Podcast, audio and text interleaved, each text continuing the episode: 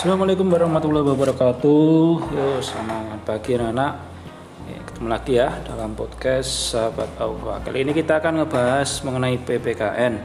Yang akan kita bahas kali ini adalah pentingnya konsep integrasi nasional. Setelah kemarin kalian sudah paham dan mendalami tentang semboyan Bhinneka Tunggal Ika. Ini kita akan bahas pentingnya konsep integrasi nasional. Nah, integrasi nasional itu apa sih?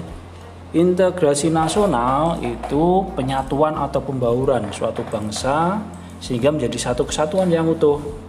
Nah, itu adalah pengertian secara umum integrasi nasional.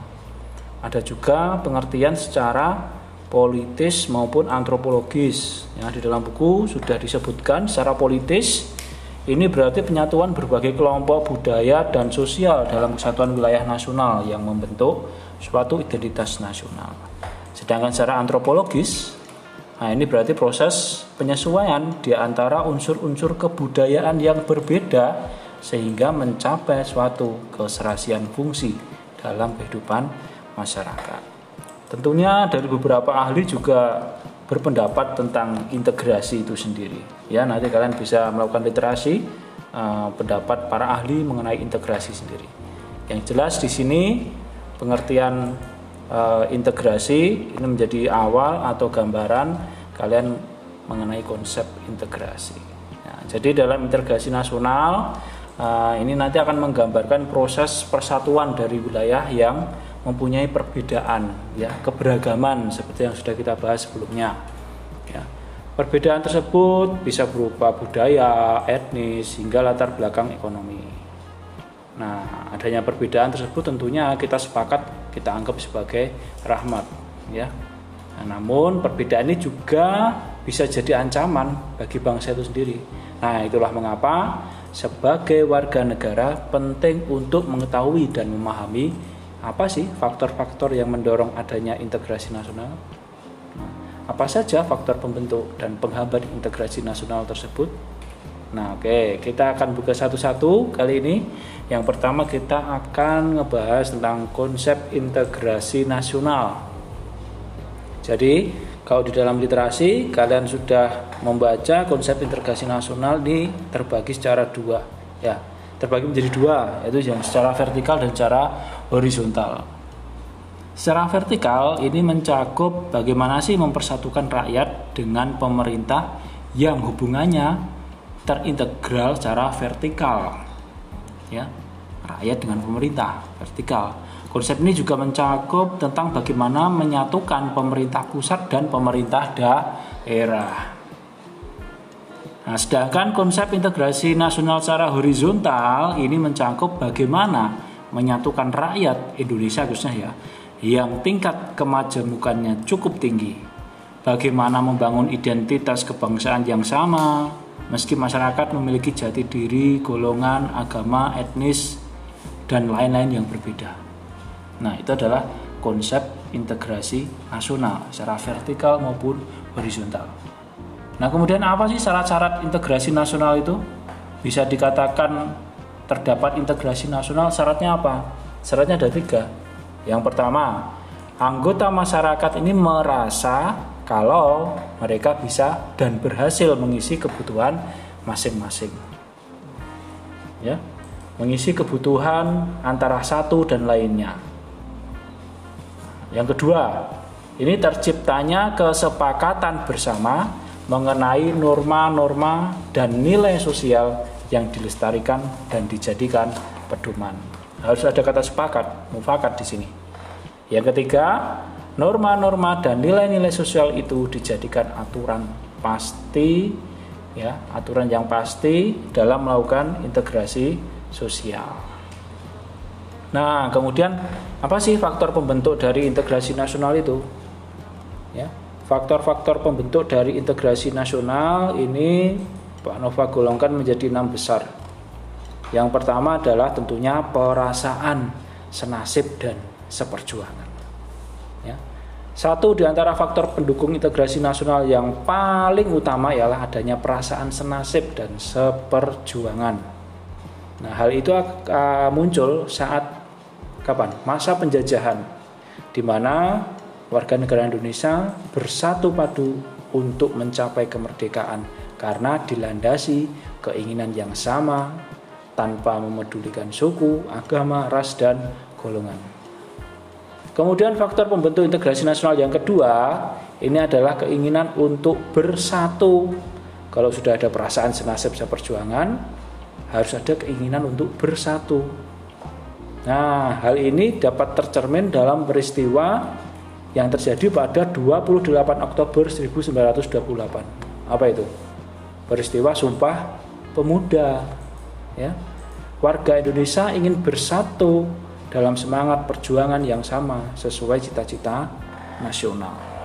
Nah, para pemuda mengadakan kongres pada waktu itu, ya, sehingga mereka mempersatukan tekad ya, untuk membuat Indonesia ini satu. Kemudian yang ketiga, faktor pembentuk dari integrasi nasional itu adalah rasa cinta tanah air. Sudah ada perasaan senasib seperjuangan, ada keinginan untuk bersatu, dilandasi rasa cinta tanah air. Ya. Karena dengan adanya rasa cinta tanah air ini di kalangan bangsa Indonesia itu sangat berpengaruh juga. Hal ini dibuktikan saat masa perjuangan dalam merebut, menegakkan, dan mengisi kemerdekaan Republik Indonesia sampai saat ini. Kalian sebagai pelajar, kalian sebagai siswa, kalian sebagai generasi penerus bangsa harusnya dapat melihat, mengambil pelajaran, mengambil ibroh, mengambil manfaat, meneladani ya tentang sejarah bangsa Indonesia dalam merebut, menegakkan kemerdekaan memperjuangkan kemerdekaan. Nah ini tugas kalian untuk mengisi kemerdekaan Republik Indonesia. Mau dibawa ke mana arah negara kita ke depannya. Oke, yang keempat adalah adanya wujud ideologi nasional. Kalau sudah punya rasa cinta tanah air, udah ada keinginan bersatu, ada perasaan senasib sepenanggungan, eh seperjuangan. Nah ini diwujudkan dengan ideologi nasional. Adanya pemikiran di sini ya menjadi wujud dari ideologi nasional yang telah disepakati, disepakati bersama. Jadi integrasi nasional ini adalah wujud dari ideologi nasional. Lewat ideologi Pancasila, Indonesia yang mempunyai banyak perbedaan atau keragaman bisa tetap bersatu. Hal itu dikarenakan apa? Nilai-nilai Pancasila yang diterapkan dalam kehidupan bermasyarakat, berbangsa, dan bernegara sudah sepatutnya kita terus menerapkan, melestarikan nilai-nilai Pancasila. Yang kelima, faktor pembentuk integrasi nasional ini juga merupakan salah satu budaya yang sudah mengakar, yaitu budaya gotong royong. Ya, timbul adanya budaya gotong royong.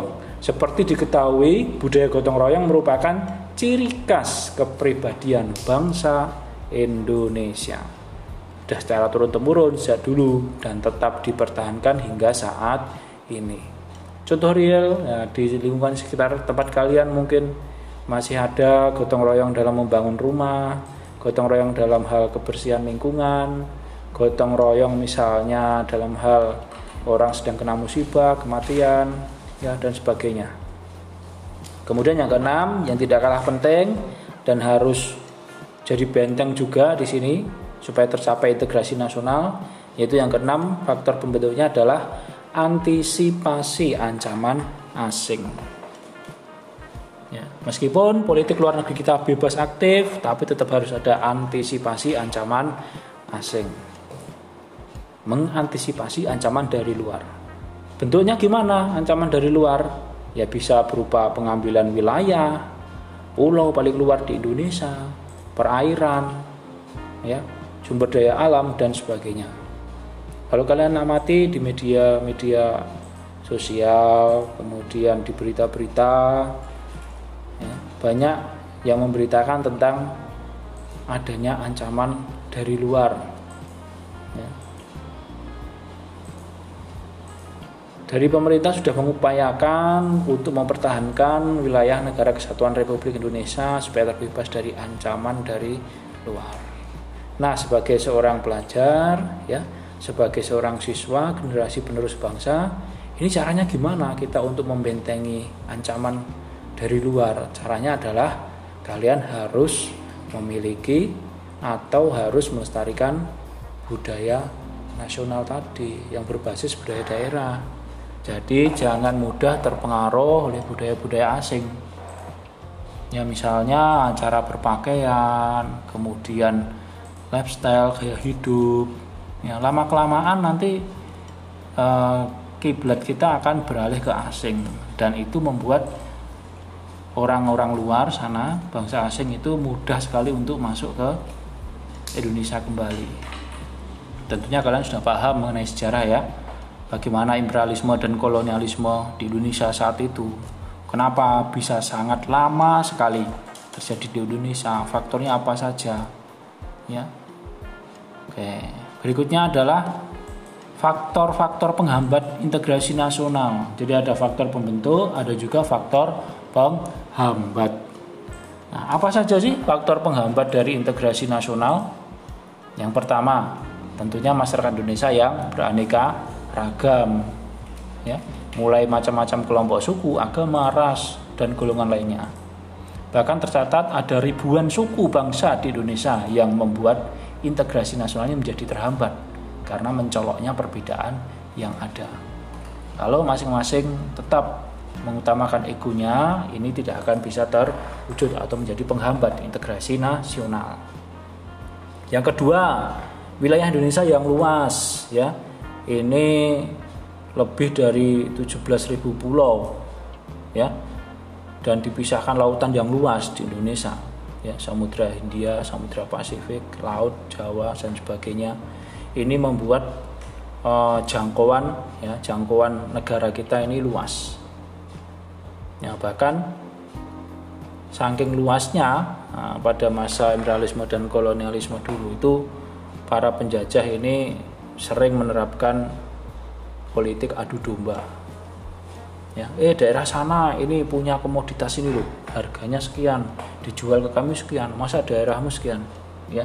Jadi kan memang sejak masa Hindu Buddha dan sampai imperialisme kolonialisme ini jalur kepulauan Indonesia ini menjadi jalur perdagangan internasional. Hal itu nanti juga di sekitar abad 15 timbul keinginan bangsa asing untuk masuk ke wilayah Indonesia karena ketertarikan dengan apa? Rempah-rempah. Sampai-sampai mereka kepo pengen tahu yang namanya the species land. Ya.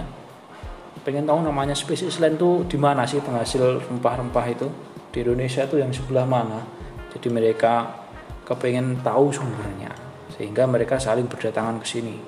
Ya dimulai dari bangsa Portugis ya. Siapa tuh? Bartolomeu Dias. Masuk ya touchdown Indonesia. Kemudian dilihat statusnya sama si Spanyol. Ya, kemudian lewat jalan lain Spanyol masuklah Spanyol. Nah, mereka bersekutu dengan penduduk lokal pada waktu itu ya di Maluku sana. Ya, Portugis Ternate Spanyol Tidore. Ya kemudian saling berebut mengenai monopoli perdagangan rempah. Akhirnya tergeserlah Spanyol kembali ke Filipina. Portugis berkuasa muncul lagi bangsa Barat siapa? VOC atau Belanda.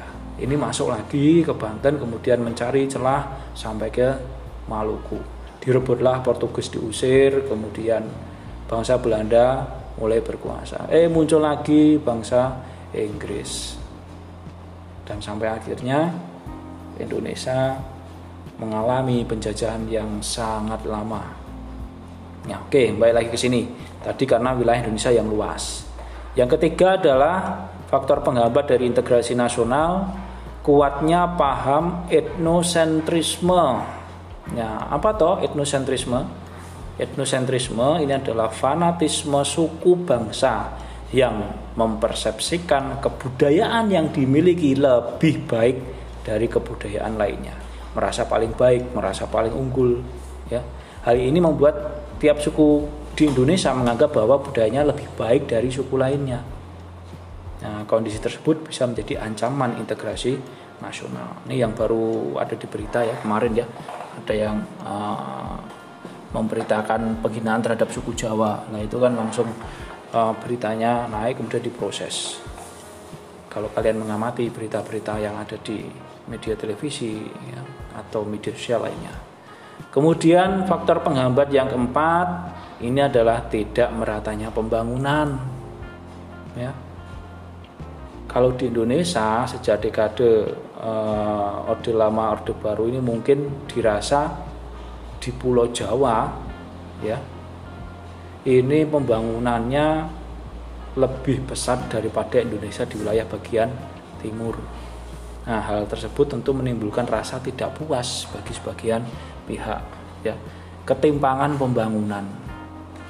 Ya, karena wilayahnya yang luas, nah ini tantangan dalam melakukan integrasi nasional yang timbul adalah ketimpangan pembangunan, tidak merata pembangunannya. Karena dalam melakukan pembangunan tentunya pemerintah punya tolak ukur dan pertimbangan-pertimbangan tertentu untuk membangun satu wilayah disesuaikan dengan kebutuhan dan visioner dari wilayah itu. Kemudian faktor penghambat yang kelima, budaya asli mulai tergerus. Nah ini mulai tergerusnya budaya asli Indonesia ini juga bisa menghambat integrasi nasional. Lemahnya nilai-nilai budaya bangsa ini terjadi akibat kuatnya pengaruh budaya asing yang tidak sesuai dengan kepribadian bangsa. Itu baik melewati kontak langsung maupun tidak langsung atau kalau zaman sekarang melalui media kalian buka Instagram, buka TikTok, buka Facebook, apalagi buka Line, Telegram dan sebagainya. Ini konten-konten budaya asing sudah mulai menginfluence uh, generasi muda di Indonesia. Nah, tentunya hal itu jika terus-menerus dibiarkan, dibiarin seperti itu lama kelamaan akan menjadi ancaman dari luar sehingga berpengaruh terhadap integrasi nasional. Nah, kemudian apa sih tantangan dalam menjaga keutuhan negara kesatuan Republik Indonesia ini? Nah, tentunya fenomena global masih mengetengahkan penguatan nilai-nilai universal, yakni apa? Demokrasi dan hak asasi manusia Bersama dengan itu, isu lingkungan hidup dan dampak pemanasan global memunculkan persoalan yang serius yang memerlukan respon secara internasional.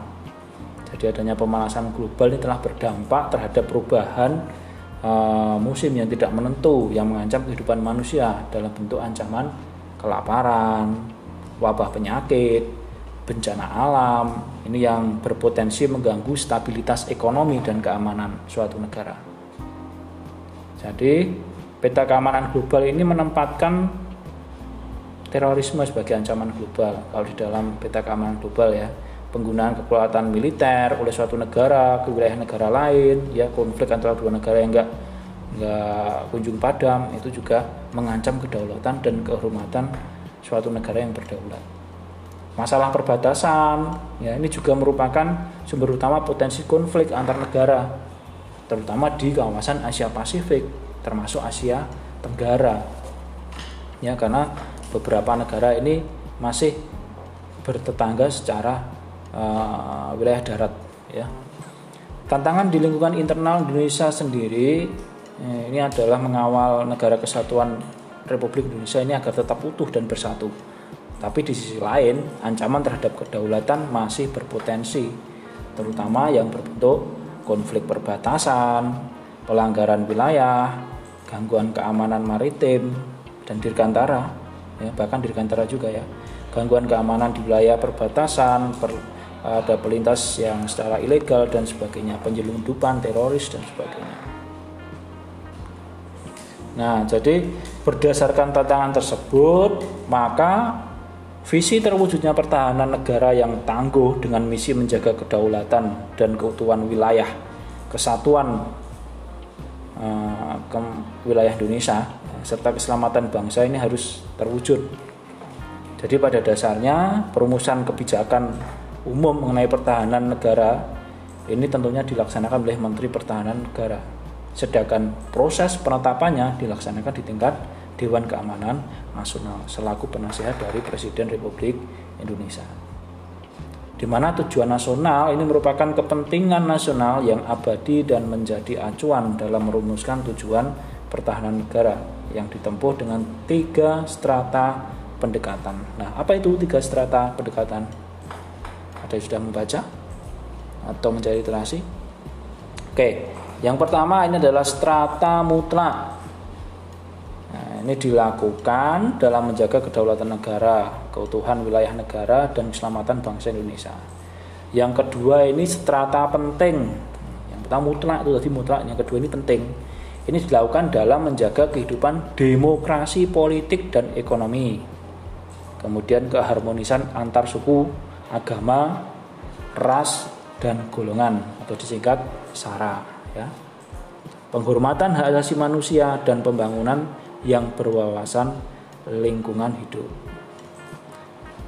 Dan yang ketiga ini strata pendukung dilakukan dalam upaya turut memelihara ketertiban dunia dengan kita ikut dalam organisasi PBB. Ya, organisasi PBB ini memang sudah lama muncul sejak berakhirnya Perang Dunia Kedua karena kegagalan dari LBB organisasi sebelumnya Liga Bangsa-Bangsa Tiga bangsa-bangsa dibentuk setelah Perang Dunia I berakhir. Tapi ternyata ada salah satu pihak, ya Jerman pada waktu itu melakukan brisket ya serangan kilat ke Polandia merebut kota Danzig karena merasa warga negaranya masih banyak di situ. Ya ini uh, bisa dikatakan ultranasionalisme ya nasionalisme yang berlebihan di Jerman ini membahayakan negara lain. Nah, kemudian muncul meletus Perang Dunia Kedua. Setelah Perang Dunia Kedua berakhir, dibentuklah Perserikatan Bangsa-Bangsa. Indonesia termasuk dalam anggotanya. Sehingga untuk mencapai tujuan pertahanan negara tersebut, salah satunya diperlukan input sumber daya yang bagus dan optimal. Jadi masyarakat menuntut TNI untuk menjaga dan memelihara stabilitas keamanan nasional.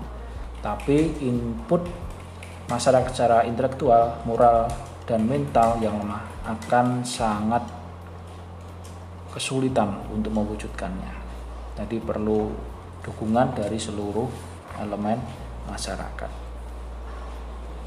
Nah, lantas bagaimana sih peran serta warga negara dalam menjaga persatuan dan kesatuan bangsa?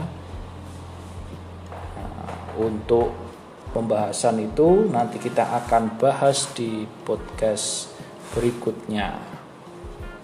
Sebagai refleksi, untuk pentingnya konsep integrasi nasional ini nanti anak-anak dapat melakukan ya, melakukan latihan dua yang ada di buku modul PPKN sehingga sejauh mana nanti kalian paham mengenai materi ini dapat kalian ukur dalam latihan dua.